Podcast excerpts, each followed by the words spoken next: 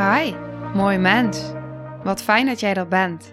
Mijn naam is Sandy en ik geloof in een wereld waarin iedereen zijn liefdevolle zelf mag zijn. In deze podcast praten we openlijk over alle struggles die je tegenkomt op het moment dat je tegen jezelf aanloopt.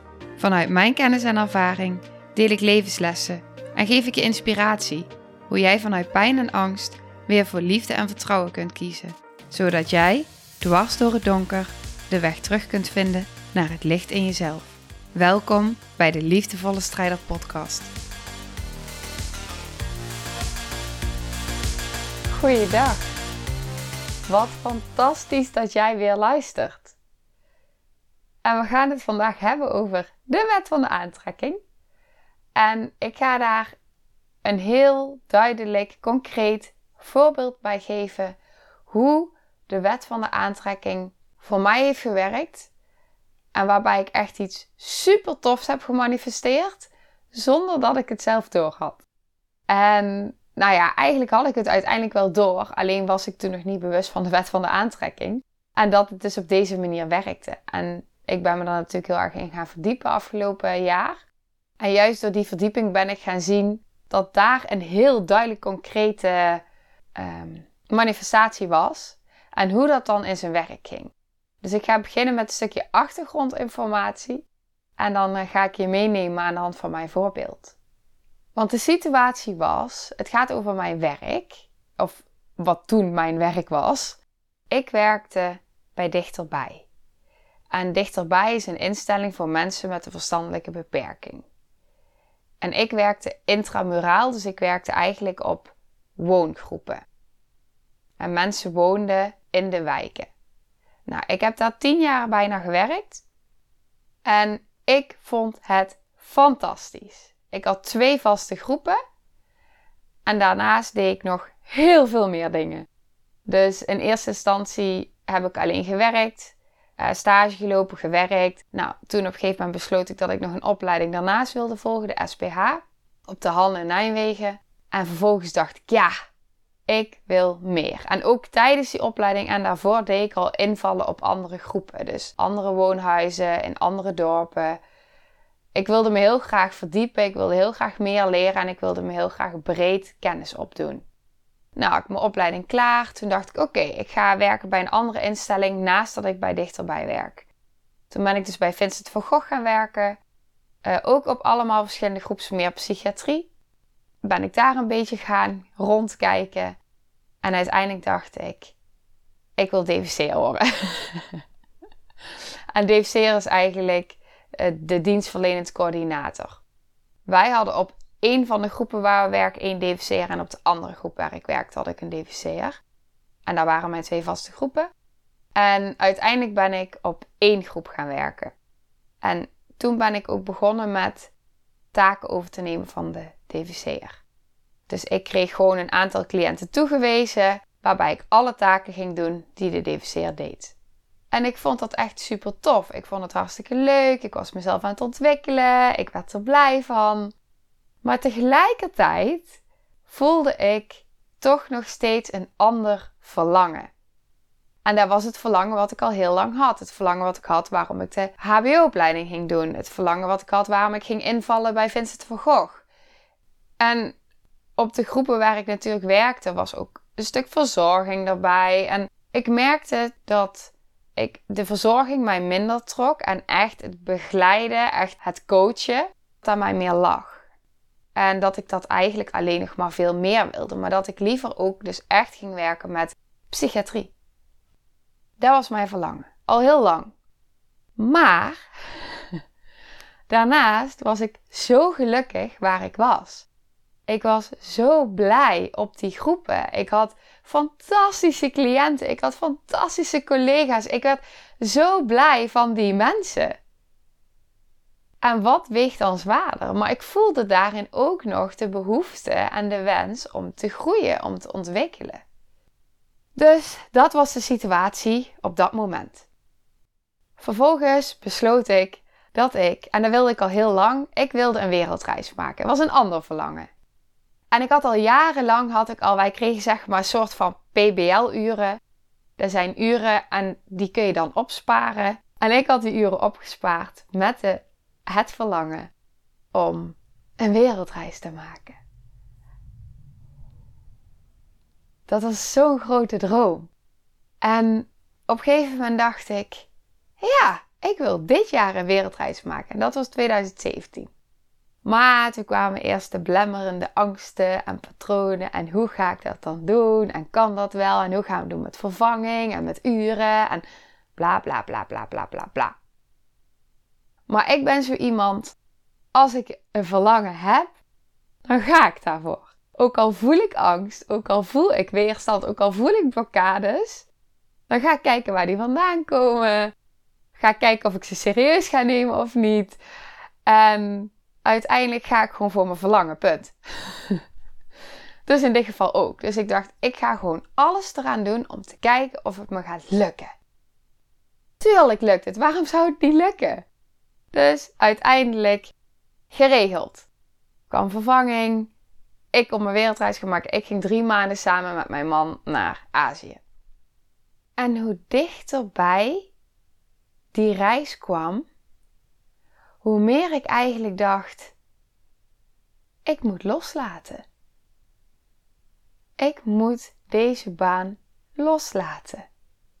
Ik moet iets anders gaan doen. Ik wil ambulant gaan werken. En op dat moment, dat jaar, deed ik ook al af en toe ambulant in een gezin bij een kindje. Wat ik echt heel erg tof vond. Dit was dan wel vooral ook verzorging. Maar ik merkte hoe gaaf ik het vond om ambulant te werken. En dat ik dacht, ja, dit kan ook veel meer psychisch gericht, zeg maar. Dus dat was mijn verlangen. Maar ik deed dus wel al, zeg maar, um, dat ambulante stukje heel af en toe, waardoor dat verlangen alleen maar meer getriggerd werd. En ik voelde dus hoe dichterbij ik naar die wereldreis ging, hoe meer ik voelde, dit is het moment. En ik had twee keuzes. De ene keuze was, ik ga gewoon op wereldreis en als ik terugkom, dus de veilige weg, dan ga ik solliciteren. Maar ik voelde in mijn hele lijf, dit voelt niet oké. Ik werk vanuit mijn hart, ik werk vanuit liefde. Op het moment dat ik nu drie maanden wegga, de mensen met wie ik werk, de cliënten even te zaak, want het zijn gewoon fantastisch mooie, prachtige mensen. En wat ik daar heel sterk in voelde, was dat ik dacht: ik wil jullie niet die onduidelijkheid scheppen. Dat ik drie maanden wegga. Dat jullie aftellen, want letterlijk, die tellen af. Wanneer komt Sandy weer? Wanneer komt Sandy weer? Wanneer is Sandy terug? Zo gaat dat. En dan op het moment dat ik dan terugkom en ik ga dan solliciteren, dan ben ik misschien daarna weg. En dat voelde voor mij niet oké. Maar ook tegenover mijn collega's. Want mijn collega's regelen ook vervanging voor mij. die nemen iemand aan dan voor drie maanden in plaats van voor langere tijd. Dus ik dacht, het is tijd om te springen. het is tijd, het voelt niet goed om het op een andere manier te doen. Dus lood in mijn schoenen, heel veel verdriet, heb ik die keuze gemaakt. En het was eng. Het was spannend. Hè? Ze zeggen altijd: gooi nooit je oude schoenen weg voordat je nieuwe hebt. Ja, nou, dat deed ik wel. Ik gooide mijn vaste baan weg. Maar tegelijkertijd zei iets in mij: het komt echt wel goed. En het mooie was dus ook op het moment dat ik dus hè, ontslag nam en gesprek met de manager en met iedereen. Toen zei mijn manager ook nog tegen mij: van ja, maar Sandy, je mag altijd terugkomen, want ik zou je zo weer aannemen. Nou ja, dat is natuurlijk ook wel gewoon een heel fijn gevoel als je dan vertrekt en weet van ergens in je achterhoofd: ik mag altijd terugkomen. Wij gingen op reis. Ik liet los. Ik stapte in het vertrouwen. Wet van de aantrekking, hè? Je hebt een verlangen. Je stapt in het vertrouwen. Je laat los en je doet wat voelt dat nodig is om te doen. En ik had fun en ik had plezier en ik genoot van mijn reis. En nou, noem het maar op. En halverwege de reis kreeg ik een appje van die collega met wie ik samen ambulant in dat gezin zat. En zij zei dus tegen mij van ja, ik heb zitten denken en ik wil je heel graag hier houden. En is het niet een idee dat je gewoon ambulant komt werken bij dichterbij? Dus ik zei tegen haar, ik zei, ik vind het een goed idee. Ik zei, maar ik ben wel echt van plan om iets anders te gaan doen. Ik ben wel echt van plan om minder de verzorgingskant op te gaan en, en, en met volwassenen. Nou, dus dat legde ik ook uit. En toen zei ze tegen mij van ja, maar ja, misschien kunnen we wel gewoon bijvoorbeeld een heel laag urencontract of zo met jou regelen via de manager, zodat je dan zelf de vrijheid hebt om daarin te doen wat je wil. En ook nog te solliciteren. Dus dat was heel open, was heel fijn. Dus toen dacht ik, ja, waarom niet? Dan heb ik even, als ik terugkom, een soort van basis. Ik kan al lekker ambulant werken, kan al zelf wat meer plannen.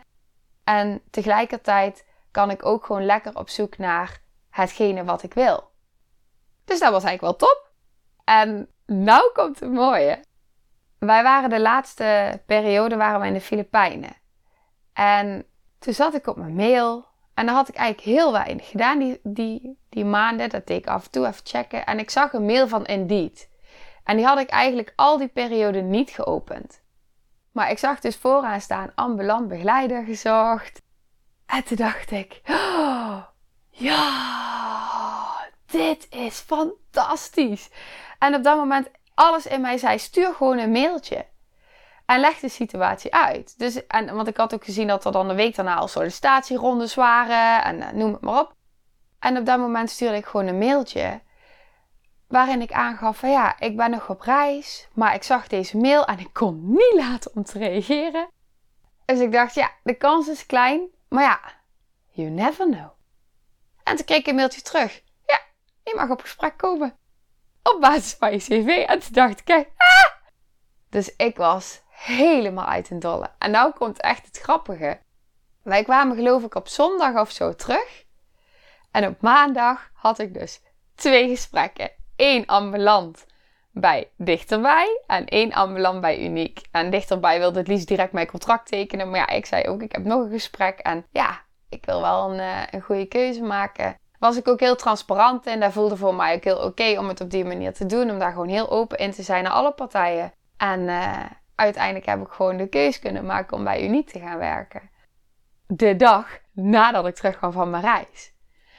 En gewoon het feit, en dit is dus hoe de wet van de aantrekking werkt, op het moment dat je loslaat en vertrouwt, komt het dus dubbel en dwars bij je terug.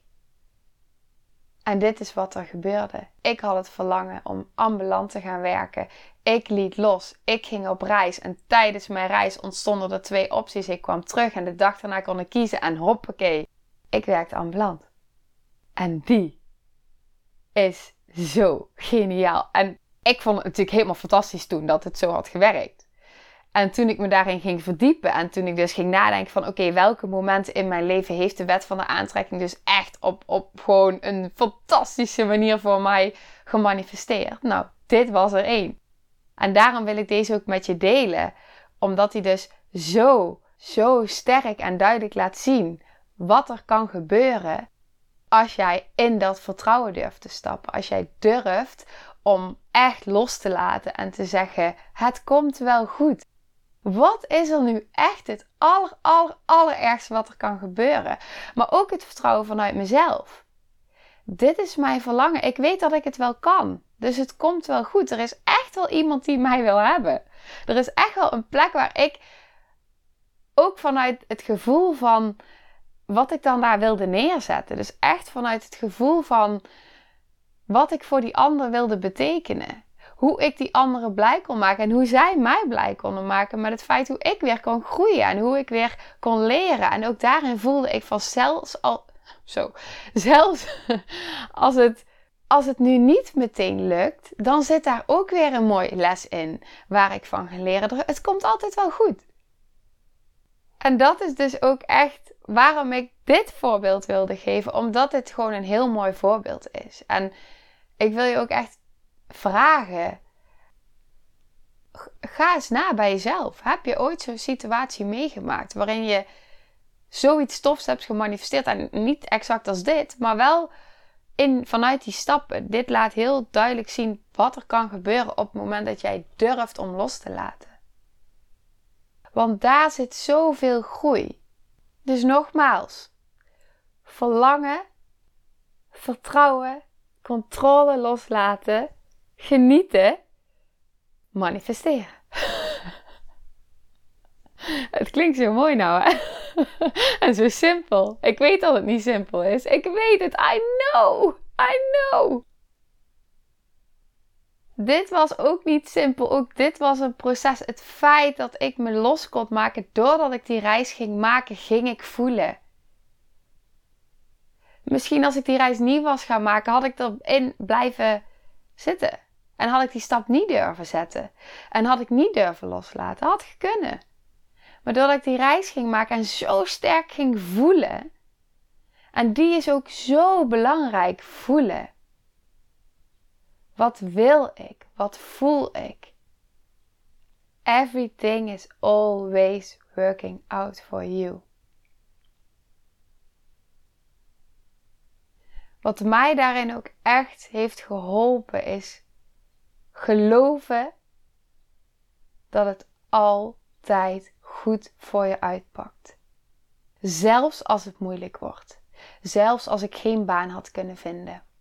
Ook dan komt het goed.